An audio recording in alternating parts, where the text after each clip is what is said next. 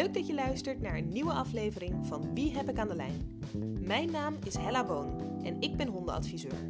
Ik adviseer toekomstige baasjes bij de zoektocht naar de ideale hond en ik ondersteun baasjes van puppies en puberhonden bij de verzorging, de opvoeding en de training.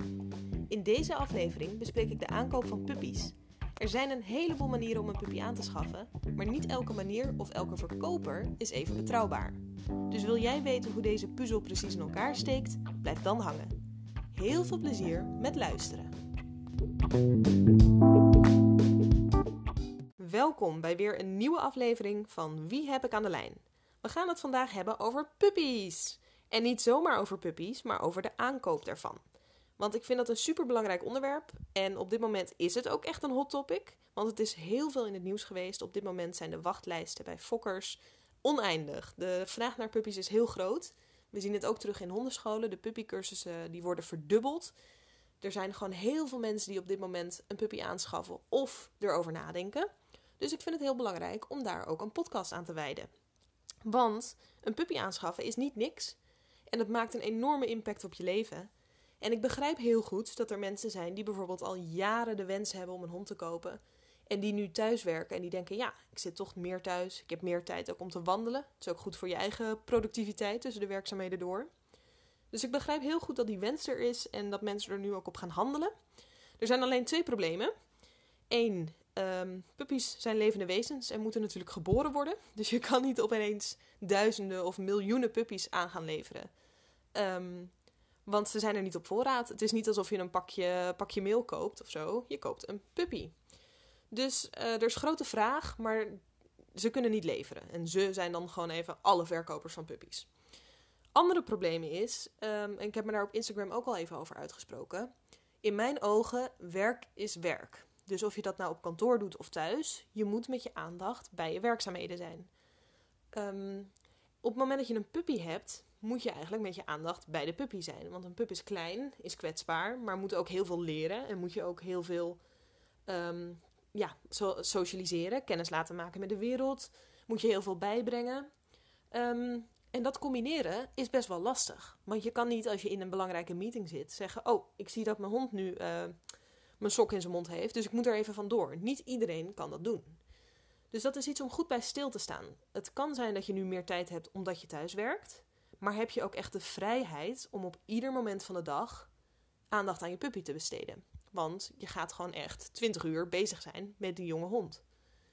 En tuurlijk kan je dat verdelen, helemaal als je een partner hebt die meedoet of als je met meerdere mensen in huis woont en je koopt samen een hond. Maar onderschat het niet. Het is echt heel veel werk en het is niet gezellig alleen tijdens de pauzes die jij hebt. Het is echt de hele dag door. Dus thuiswerken is voor mij niet een valide argument op zich om een puppy te kopen. En dat wilde ik nog wel even gezegd hebben voordat we doorgaan. Um, want een puppy kopen is natuurlijk superleuk. Het is gewoon, het is feest, het is gezellig. Voor heel veel mensen is het toch alsof je een nieuw gezinslid ook verwelkomt. Het is toch een soort klein kind. Um, maar daarmee neemt het, neem je dus ook grote verantwoordelijkheid op je. En een puppy kopen is dus ook best wel lastig. Want zoals ik eerder al zei, het is een levend wezen. Dus waar koop je die vandaan? Je koopt ze niet zomaar in de winkel. Vroeger had je dat nog wel, kon je ze ook in de uh, dierenwinkel kopen, soms zelfs in tuincentra en dergelijke. Tegenwoordig zit het allemaal een beetje anders. En in deze podcast ga ik dat uitleggen. Ik ga uitleggen waar je een puppy kan kopen. En hoe dat nou precies in elkaar zit. En uh, hoe dat op dit moment is tijdens de corona, met dus die enorme vraag. En in de volgende podcast ga ik uitleggen waar je op kan letten als je bijvoorbeeld het nestje puppies gaat bezoeken. Als je naar een fokker gaat of als je naar een uh, particuliere verkoper gaat die een nestje heeft. Waar kan je op letten? Wat zijn belangrijke aspecten om bijvoorbeeld naar te vragen? Um, waar kan je naar kijken als je de puppies even in handen hebt? Waar moet je op letten bij de ouderdieren? Al dat soort dingen, die ga ik eventjes loskoppelen. En deze aflevering gaat puur over waar kan ik een puppy kopen en hoe zit dat precies in elkaar. En de volgende aflevering gaat over de kenmerken en uh, het bezoek aan het nest. Laten we het even hebben over het eerste probleem. De vraag naar puppies is op dit moment heel hoog. Dat zorgt ervoor, omdat het aanbod schaars is, dat de prijs van puppies ook omhoog gaat. En dat zorgt er weer voor dat de gewone fokkers concurrentie krijgen. Namelijk de broodfok, die ziet natuurlijk nu een kans. De malafide puppyhandel, die ziet de kans om veel geld te verdienen door zoveel mogelijk puppies te fokken en te verkopen. Want mensen betalen op dit moment toch een hogere prijs, omdat ze graag een hond willen. Ehm, en dat vind ik een slechte ontwikkeling, want dat zorgt ervoor dat het welzijn van de dieren achteruit gaat. En het zorgt er ook voor dat er veel meer honden komen met gedragsproblemen. Um, het is belangrijk om goed te weten waar je je puppy gaat kopen. En het is ook belangrijk om goed te weten waar je op moet letten. Laten we dus eerst even bespreken waar je een puppy allemaal kan kopen en wat het verschil is tussen verschillende fokkers. Vroeger was het best wel normaal om een puppy te kopen bij de dierenwinkel. Dan had je een hele grote bak met allemaal puppies of een bak met allemaal kittens. Ehm, en dan kocht je daar gewoon een babydier. En eigenlijk is dat best wel vreemd. Want die dieren waren dus uh, vrij jong, gescheiden van hun ouders, zaten daar met z'n allen in een bak, waren bang, snapten niet wat er aan de hand was. En vaak hadden ze ook heel veel gezondheidsproblemen. Denk aan wormen, denk aan vlooien en soms nog wel erger dan dat. Gelukkig zijn we daar nu op teruggekomen en dat gebeurt bijna niet meer. Een hele enkele dierenwinkel heeft nog wel eens puppies en vaak is dat dan ook uh, op een andere manier geregeld. Maar wat we nu wel zien, is dat het internet puppyhandel heel erg faciliteert. Je hebt uh, speciale websites voor uh, puppyverkoop, je hebt fora, je hebt Facebookpagina's. Marktplaats is een hele bekende plek voor heel veel puppyhandel. En dat heeft eigenlijk ook een schaduwzijde, want um, het lijkt aan de ene kant alsof het heel makkelijk is om dus puppies te vinden, want ze zijn, alle advertenties zijn gebundeld op één plek. Aan de andere kant weet je niet wie de verkoper aan de andere kant van die advertentie is. Het is heel erg lastig om betrouwbare en onbetrouwbare verkopers van elkaar te scheiden en te weten met wie je nou precies te maken hebt. Um, je ziet dat dat echt een probleem is. En ik merk dat ook met de mensen die ik spreek. Ze willen dan graag een puppy. Maar ja, hoe weet je of je bij de juiste persoon bent? Dat is met het internet gewoon heel moeilijk. En dat is eigenlijk bijna niet te zeggen. Een andere manier om puppies te kopen, wat je ook vaak voorbij ziet komen op bijvoorbeeld Facebook, zijn puppyherplaatsers. Mensen die een pup hebben gekocht en op dat moment erachter kwamen dat bijvoorbeeld een gezinslid allergisch is of uh, een relatie gaat uit en mensen die, die kunnen de hond niet houden en die hebben dan toch een pup en die moet dan een ander huis vinden. Dus je kan er ook voor kiezen om een puppy te kopen die um, nou ja, bij iemand anders niet kan blijven. Verder heb je natuurlijk de fokkers. En ik verdeel de fokkers graag onder in drie categorieën. Je hebt de gecertificeerde fokkers, die vaak aangesloten zijn bij rasverenigingen, um, die dit echt voor hun beroep doen. Dit is hun expertise. Je hebt de hobbyfokkers, mensen die bijvoorbeeld per ongeluk een nestje hebben, of die uh, eenmalig een keer een nestje wilden fokken, gewoon voor de leuk. En je hebt de broodfok. Wat is nou precies het verschil? Nou, een gecertificeerde fokker is een fokker die voldoet aan bepaalde eisen en criteria en die oog heeft voor de ontwikkeling van een pup. En dat betekent dat ze heel goed letten op het welzijn van alle honden. Dus zowel van de puppies als van de ouderdieren. Dus ze letten op dat een teefje een maximaal aantal keer per jaar drachtig is. Uh, dat de melkproductie goed zit, dat de pups niet tekort komen. En ze letten ook heel goed op de ontwikkeling van de pup. Zowel qua gezondheid als uh, mentaal, qua socialisatie. Want wat veel mensen vaak vergeten is dat de socialisatie van een pup eigenlijk al begint vanaf het moment dat hij geboren is, totdat hij met jou als baasje meegaat. En dan gaat hij verder, maar dan bij jou. Dus een fokker heeft een best wel belangrijke verantwoordelijkheid en een taak om de puppy voor te bereiden op het leven buiten het nest. En het is zelfs zo dat um, de gemoedstoestand van, de, van het teefje op het moment dat ze drachtig is, iets zegt over de puppies die ze werpt. Dus als de moederhond heel erg nerveus en angstig of gespannen was tijdens de dracht, kan zij dat genetisch doorgeven aan haar pups. En kan het zijn dat jouw pup van nature wat uh, afwachtender of wat angstiger is. Andersom, als een uh, teefje een hele goede dracht heeft en heel ontspannen is en goed weet wat ze aan het doen is en zichzelf verzekerd voelt, uh, komen daar hele blije, vrolijke puppies uit. Dus het is voor een fokker eigenlijk vanaf het moment van de bevruchting tot het moment dat de pup verkocht wordt, dat zij een hele grote verantwoordelijkheid dragen. En er heerst een beetje een misvatting dat gecertificeerde fokkers het alleen maar voor het geld doen. En dat hobbyfokkers uh, alleen maar heel erg leuk en lief zijn met de honden. En dat je daar altijd de leukste honden van aanhaalt. Ik ben van mening dat professionele fokkers juist heel veel baat hebben bij het leveren van vrolijke, gezonde puppies. Want juist omdat ze er geld aan verdienen, uh, moet het gewoon een bepaalde kwaliteit hebben. Dan moet je gewoon de garantie hebben dat de pups die daar vandaan komen een goede, gedegen opvoeding hebben gehad tot het moment dat ze bij jou komen. En dat ze gewoon gezond zijn en dat ze blij zijn. En dat ze niet bang zijn voor andere dingen in de wereld. Dus een goede fokker, die zorgt ervoor dat puppies, voordat ze met je meegaan, al een keertje andere ondergronden hebben meegemaakt. Dat ze op een fijne manier van melk naar vaste voeding overgestapt zijn. Dat ze misschien al een keertje in de auto hebben gezeten. Al dat soort dingen vallen allemaal onder de taken van een fokker. En het probleem met hobbyfokkers is dat wij als mens vaak geneigd zijn te denken: oh, een hobbyfokker dat is een lief, schattig echtpaar ergens op een boerderijtje met een lieve boerderijhond die toevallig puppies heeft gekregen. Maar een hobbyfokker kan ook iemand zijn die gewoon in de stad woont. En kan ook iemand zijn die bijvoorbeeld niet zo goed weet wat hij aan het doen is, omdat het het eerste nestje is dat ze fokken. En uh, het is helemaal niet gek om dan bepaalde fouten te maken. Het is helemaal niet gek dat een puppy die bij een hobbyfokker vandaan komt, misschien helemaal niet per se uh, een betere opvoeding heeft gehad dan bij een gecertificeerde fokker. Puur en alleen maar omdat een hobbyfokker soms een stukje kennis en ervaring mist. Dat is heus niet altijd zo. En er zijn ook heus lieve oudere echtparen met een schattige boerderijhond waar je leuke honden vandaan kunt kopen. Alleen ik vind het wel lastig dat er nog steeds het beeld heerst dat uh, professionele fokkers een soort boeman zijn. Want dat zijn gewoon mensen die heel erg waken voor het welzijn en de gezondheid van honden. Op erfelijkheid komen we straks nog even terug, want dat is natuurlijk een dingetje. Maar in zijn algemeenheid, een puppy kopen kan wat mij betreft even goed bij een gecertificeerde fokker als bij een hobbyfokker. Dan de broodfok. Wat is dat nou precies? Dat is eigenlijk gewoon malafide puppyhandel. En dat betekent dat um, er gewoon zoveel mogelijk puppies worden gefokt, zowel tegelijk als na elkaar.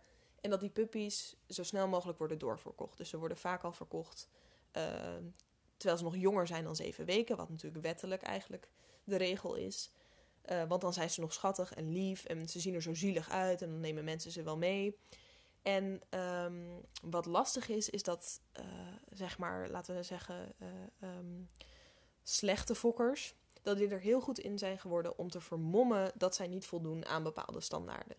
Dus uh, er zijn er heel veel manieren voor en ik ga er nu niet te diep op in. Maar het is best wel lastig om een hobbyfokker van een um, malafide fokker te onderscheiden. Want daar zijn ze gewoon heel erg goed in geworden. Er zitten allerlei trucjes van dat je puppies verplaatst en de puppies van het ene nest bij het andere nest legt. En uh, nou ja, aller, allerlei zeg maar, trucjes om ervoor te zorgen dat de koper niet doorheeft dat het niet een puppy is uit een fijne omgeving. Dus alleen al voor het stukje garantie, dat je zeker weet dat je een puppy koopt, wat vast, zeg maar, je, je koopt met een contract. Je weet zeker dat je een puppy koopt die een uh, gedegen ontwikkeling heeft gehad tot het moment dat je hem meeneemt.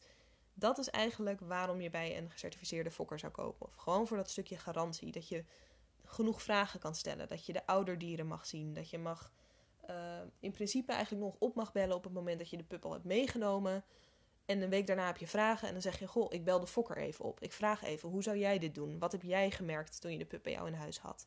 Dan weet je, uh, dan zit je goed. Dan kan je gewoon ergens op terugvallen. En het is normaal op het moment dat jij een pup hebt gekocht, dat je die uh, regeling ook hebt. Dat je gewoon af en toe nog vragen mag stellen. Um, en dat je het gevoel hebt dat je weet wat je koopt. Dat je weet wat het verhaal is. Dat je weet um, hoe jouw pup heeft, is opgegroeid voordat je hem in huis haalde. En een ander ding waarom je um, vaak hoort dat mensen toch wel voor professionele fokkers zijn. Dat komt doordat je vaak een soort retourbeleid hebt. En dat klinkt een beetje koud. Maar dat heeft ermee te maken dat als jij een pup koopt en je denkt dat hij vrij is van gebreken, fysiek, dus qua gezondheid, en het blijkt dat hij toch uh, een erfelijk defect heeft, of er is, er is toch iets echt mis met de hond, dat jij op dat moment recht hebt op een andere puppy. Omdat in het koopcontract staat dat jij een goede, gezonde uh, pup hebt gekocht. En dat heb je vaak niet bij hobbyfokkers. Dat heb je vaak niet. Dus dan koop je gewoon een, een pup. En als het dan helemaal fout blijkt te zijn. En uh, dat arme dier heeft last van allerlei gezondheidskwalen. Ja, dan heb je al betaald. En jij wilde die hond hebben. En dan kan je nergens op terugvallen. Dus dat is ook vaak een, uh, iets dat meeweegt in de beslissing. Of je bij een gecertificeerde fokker koopt of niet. Goed, ik had beloofd om nog even terug te komen op erfelijkheid. Dus bij deze. Um, erfelijkheid is een interessant onderwerp. En het is de laatste jaren ook best wel vaker in het nieuws geweest. Heeft veel kritiek gehad. Of tenminste, um, rashonden hebben veel kritiek gehad. En dan met name de fokkers ervan.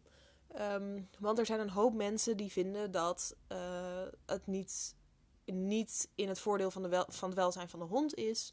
Omdat er veel wordt doorgefokt en omdat er maar een kleine genenpool is. En omdat er maar een paar bloedlijnen zijn. En daar eigenlijk constant nieuwe honden uit uh, geboren worden. En uh, er zijn veel mensen die daar vraagtekens bij stellen. En dat snap ik. Um, en ik ben het daar ook deels best mee eens. Maar ik vind ook dat we niet moeten vergeten dat rasverenigingen en fokkers vaak heel nauw samenwerken met de wetenschap. En dat het in Nederland bijvoorbeeld zo is dat als je een stamboompup koopt, dat, er, uh, dat de fokker een klein beetje DNA afneemt en dat dat naar het lab gestuurd wordt. En dat er dan wordt gekeken van, goh, um, um, wat voor ziekte, zeg maar, er wordt uh, gezondheidsonderzoek gedaan. Dus er wordt getest op bijvoorbeeld erfelijke ziektes, er wordt gekeken naar erfelijke aandoeningen. Uh, en dan vooral of de pup daar vrij van is natuurlijk. Maar op die manier wordt er een heleboel data verzameld. Um, je kan ook goed zien dan of de ouders wel echt de ouders zijn. En op die manier kan je eigenlijk zo'n stamboom veel meer betekenis geven. En dus ook werken aan de toekomst. Dus kijken naar hoe kunnen we gezonde honden blijven fokken. Met de informatie die we daar vandaan halen. Dus ik vind ook dat, um, ondanks dat er nog steeds echt wel dingen fout gaan in het fokken. En dat er nog steeds echt wel veel honden geboren worden met problematiek qua gezondheid of um, qua uiterlijke kenmerken. Want dat is natuurlijk ook een groot probleem. Honden met te korte snuiten, honden met te lange rug en korte pootjes, honden met een te klein schedel. Uh, Duitse herders die zo wat uh, verticaal lopen omdat ze zo, zo schuin aflopende rug hebben. Er is gewoon heel veel wat nog steeds niet goed gaat. Maar er zijn ook heel veel fokkers die meehelpen aan de oplossing. En die met z'n allen gewoon superveel uh, onderzoek faciliteren om dus gezonde stamboomhonden te kunnen blijven fokken. Want waarom willen we die honden? Omdat een heleboel van die rassen, um, en dat is natuurlijk misschien niet helemaal een, een, waardevol argument, maar we gebruiken veel van deze rassen nog steeds voor sport of voor werk. En er zit ook wel degelijk een voordeel aan, want als je een rashond koopt um, en je doet al die testen en het, het, het is goed, zeg maar, het is een gezonde hond, dan heb je ook een prachtige hond van één ras met de daar bijbehorende kenmerken, zowel qua uiterlijk, maar ook qua innerlijk. Um, maar mocht je er nou gewoon geen goed gevoel bij hebben, of mocht je het toch te spannend vinden om er een te moeten kopen en uh, je niet zeker voelen bij die keuze, dan kan je natuurlijk ook nog altijd gewoon naar kruisingen kijken. Want we weten dat er ook veel honden zijn met een goede gezondheid die gefokt worden uit kruisingen van bijvoorbeeld twee of meer verschillende rassen. Het is wel belangrijk daarbij dat je goed kijkt naar welke rassen dat zijn. Want het kan zijn als je bijvoorbeeld um, twee honden die bedoeld zijn voor het hoeden van vee. En, nou ja, en de een is bijvoorbeeld een drijver die dus kort op het vee loopt, die uh, veel stuurt, die, die in ieder geval uh, uh, snapt, zeg maar. En je hebt een drijver erbij die langere afstand heeft, dus die van ver af, zoals een border collie, die al echt met de ogen een kudde kan sturen. Dan heb je twee conflicterende rassen in één hond zitten. En de ene kant van zijn instinct zegt je moet dicht op, de, op het vee zitten. En de andere kant van zijn instinct zegt je moet er ver af staan. Dan krijg je dus een innerlijk conflict in zijn hond. Want zijn instinct zegt twee verschillende dingen. En zo'n hond kan dan helemaal in de war raken. En zelfs als je zo'n hond neemt en dan niet daarmee schapen gaat hoeden, maar bijvoorbeeld gewoon door de wijk gaat wandelen. Dan nog kunnen die instincten zich op een bepaalde manier uiten. En dan nog kan je een hond krijgen die in de war is omdat hij twee verschillende rassen in zich heeft. Dus als je een kruising koopt, is het wel belangrijk om er rekening mee te houden welke rassen erin zitten. En dat soms een van de twee de overhand neemt, maar dat je soms ook een hond hebt met eigenlijk, nou ja, vergelijk het maar met verschillende persoonlijkheden. Dus die uh, uit zijn eigen gevoel en zijn eigen instinct verschillende dingen moet doen, die misschien soms niet op elkaar aansluiten. Dus ook als je een kruising koopt, misschien ben je dan qua gezondheid um, wat veiliger uit. Maar dat wil niet zeggen dat de hond per definitie gelukkiger is. Dus dat vind ik heel belangrijk om over na te denken. Op het moment dat we vraagtekens gaan stellen bij erfelijkheid. Maar ik vind ook dat we toch nog steeds te veel rassen fokken die eigenlijk niet nodig zijn, omdat we ze fokken op een manier die voor de hond niet prettig is. En die daardoor bijvoorbeeld ademhalingsproblemen oplevert. Of die um, op latere leeftijd uh, gewrichtsproblematiek kunnen ontwikkelen of dergelijke. Daar ben ik echt niet mee eens. Dus ik vind wel op het moment dat je een stamboompub gaat kopen, doe je onderzoek, doe je research. Kijk, um, Bij de fokker kom een keertje langs, kijk naar die ouderdieren. En misschien kun je in contact komen met mensen die een hond hebben gekocht bij die fokker. Zorg ervoor dat je weet wat je koopt voordat je die pup mee naar huis neemt. Nou, zoals je misschien wel hoort, heb ik uh, persoonlijk dus heel erg een voorkeur voor ofwel gecertificeerde fokkers um, of hobbyfokkers. Alleen dan moet je heel goed weten waar je op moet letten. En daar gaan we dus de volgende aflevering over hebben. Um, maar stel, je luistert dit en je denkt: ja, maar Hella, um, ik wil heel graag een puppy kopen. Dit is allemaal niet heel positief. Wat moet ik dan precies doen? Stel, ik wil een puppy bij zo'n gecertificeerde fokker. Dat kan nu helemaal niet. Want ik heb bijvoorbeeld al drie mensen benaderd en die hebben allemaal gezegd: ja, uh, prima, maar we hebben een wachtlijst van een jaar. Dus uh, je wacht maar even. Ik heb dat toevallig de laatste tijd uh, twee of drie keer gehoord. Dat mensen tegen me zeiden: Ja, weet je, ik wil wel een pup kopen bij die, bij die fokkers. Maar ze hebben zo'n lange wachtlijst. Dus dat kan niet. Dat vind ik vervelend, want ik wil nu een hond. En ik begrijp dat. En wat ik ook begrijp, en dat hoor je ook vaak, dat mensen zeggen: Ja, maar een rashond of een, een stamboomhond is vaak zo duur. Um, dat is waar, maar je betaalt dus ook voor dat stukje garantie. En je betaalt dus ook voor um, de, de kwaliteit van leven, zeg maar, die de pup heeft gehad voordat hij bij jou kwam. Dus die fokkers die vragen zo'n prijs, ook omdat ze gewoon aan heel veel criteria en eisen voldoen, die je bij bijvoorbeeld een hobbyfokker vaak niet hebt. Um, dus dat is vaak de reden voor de, de hoge kosten. En ik begrijp dat dat niet voor iedereen haalbaar is. En je hoeft ook echt niet per se een stamboompub te kopen. Um, maar nog even terugkomen op die wachtlijsten. Die lange wachtlijsten, is dat nou zo erg? In mijn ogen niet. Want het zorgt ervoor dat jij echt heel goed moet nadenken: wil ik dit? Wil ik echt zo'n pup? Ga ik hier aan beginnen? Het biedt je de ruimte om voor die tijd nog langs te komen. Om een keertje te kijken bij de fokker. Om een keertje die dieren te ontmoeten. Uh, het biedt je de tijd om mentaal voor te bereiden. Maar aan de andere kant, het zorgt er ook voor dat die honden dus uh, niet aan de lopende band nestjes hebben. Want de reden van die wachtlijst is omdat je dus niet de hele tijd nestjes en puppies hebt, uh, dat je moet wachten. Want zo'n teefje kan maar gewoon een paar keer per jaar een nestje hebben. Anders zijn die lijven gewoon helemaal op. Je kan je voorstellen, als jij iedere keer alleen maar de hele tijd kinderen moet baren, dat kan je fysiek gewoon niet aan. En als je fysiek vermoeid bent en je moet ondertussen vijf kinderen opvoeden, dan lukt dat niet goed. Dus wat gebeurt er dan? Dan wordt de kwaliteit van de melk bijvoorbeeld minder. Dus de gezondheid van de puppies gaat achteruit.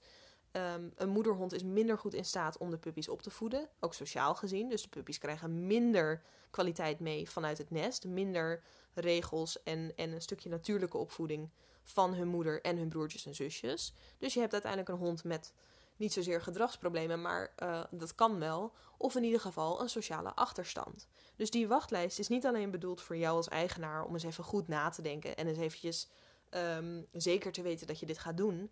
Die wachtlijst is er om die moederhond te beschermen tegen overfok.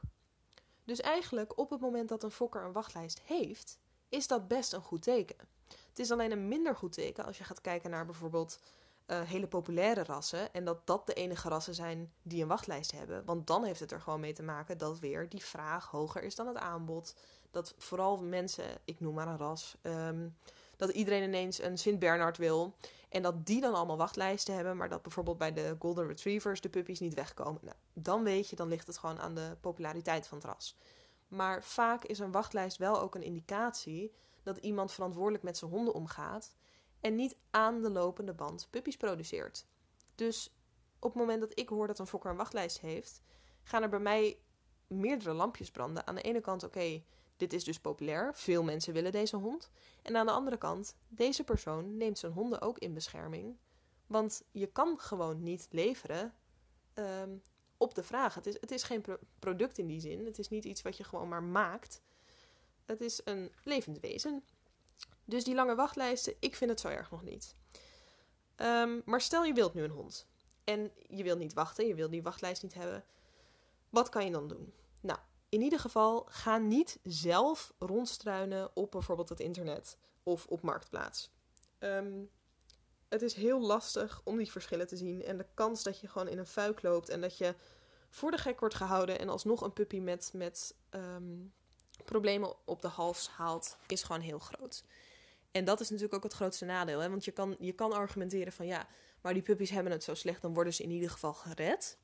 Dat is zo vanuit menselijk perspectief, maar die hond heeft al een rugzak. Dat is een puppy van misschien acht weken, die al zo'n rotverleden heeft, dat dat niet. ehm, dat, dat maakt je droomplaatje niet waar. Dus het is niet dat je dan een hond meeneemt die dezelfde leercurve doormaakt en die dezelfde ontwikkeling doormaakt als een pup die uit een goed gesocialiseerde omgeving en een fijn nest komt. Dan heb je een puppy die bijvoorbeeld heel angstig is, of een puppy die onmogelijk zindelijk te maken is, of een puppy met een puppy met voernijd. Dat is al heel vervelend als je van pup af aan een hond hebt die gewoon helemaal gek wordt rond eten, of een puppy die, ehm, je, je kan eigenlijk alles noemen.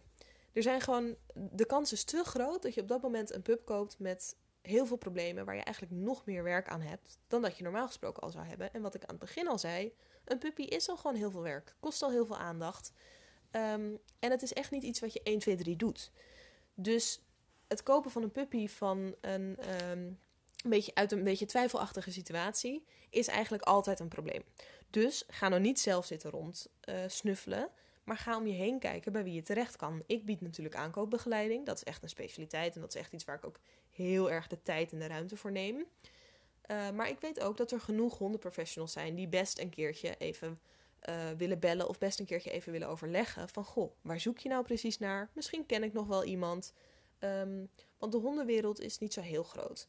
En dat betekent dat het veel ons kent ons is. En dat betekent dat je via via best wel vaak op een nestje uitkomt. Dat dan misschien geen stamboompup is en dat misschien niet gecertificeerd is, maar wel iemand um, waar je op kan vertrouwen. Een betrouwbaar nest. Dus wat je kan doen als je nu een pup wil, ga een keertje langs bij de hondenschool. Vraag een keertje aan de hondentrainers daar van: Goh, ik ben op zoek. Ken je toevallig iemand? Misschien weten ze zelf al iemand. Er zijn ook best veel hondenprofessionals die zelf af en toe fokken. Gewoon voor de leuk. Um, dus het zou best kunnen dat ze dan zeggen van... nou, op dit moment ken ik niemand... maar ik weet wel dat ik uh, over drie maanden bijvoorbeeld een dekking heb. En dan heb je alsnog een soort wachtlijstidee. Alleen dan weet je wel heel goed waar je koopt. En dan kan je van begin af aan dat hele proces meemaken. Dus, ben je op zoek naar een pup? Ga of kijken naar aankoopbegeleiding... en zorg ervoor dat je het samen met een professional oppakt... Of ga rondvragen bij de hondentrainers bij jou in de buurt. Goh, ken je iemand? Hoe zit dit en dat? En dan kom je vanzelf een beetje in dat wereldje terecht. En dan leer je ook oog krijgen voor um, de situatie waar puppies in zitten. En waar je nou beter wel en beter niet kan kopen. Ik hoop dat dit duidelijk was. Het was best wel veel. Um, ik wil deze podcast ook niet te lang maken. Want je kan, ik kan hier nog een uur over praten. En nog veel dieper op de stof ingaan. Maar uh, dan wordt het een beetje gerateld. Dus ik wilde het een beetje kort en krachtig houden. Um, heb ik nou iets gemist of heb ik iets gezegd waarvan je denkt: Goh, waar heb jij het nou over? Stuur even een mailtje naar hella.hellashondenadvies.nl. Luister je deze podcast, dan zou ik het super leuk vinden als je hem even deelt op bijvoorbeeld Instagram. Dan zet je hem gewoon in je story en dan tag je mij daar even in, Hella's Hondenadvies. Um, en verder, als je nog vragen of opmerkingen hebt, kan je natuurlijk ook altijd mailen. Of neem even een kijkje op mijn website als je nu denkt: Goh, die aankoopbegeleiding, dat klinkt mij wel goed in de oren. Heel erg bedankt voor het luisteren en tot volgende keer.